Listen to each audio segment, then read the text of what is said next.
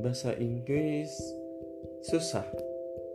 Sejak kecil kita belajar bahasa Inggris, tapi kok nggak bisa ngomong bahasa Inggris sampai sekarang?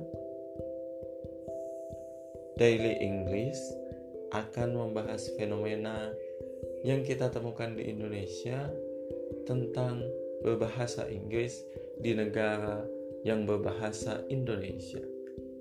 Lalu kita akan menemukan solusi bagaimana cara bahagia untuk belajar bahasa Inggris.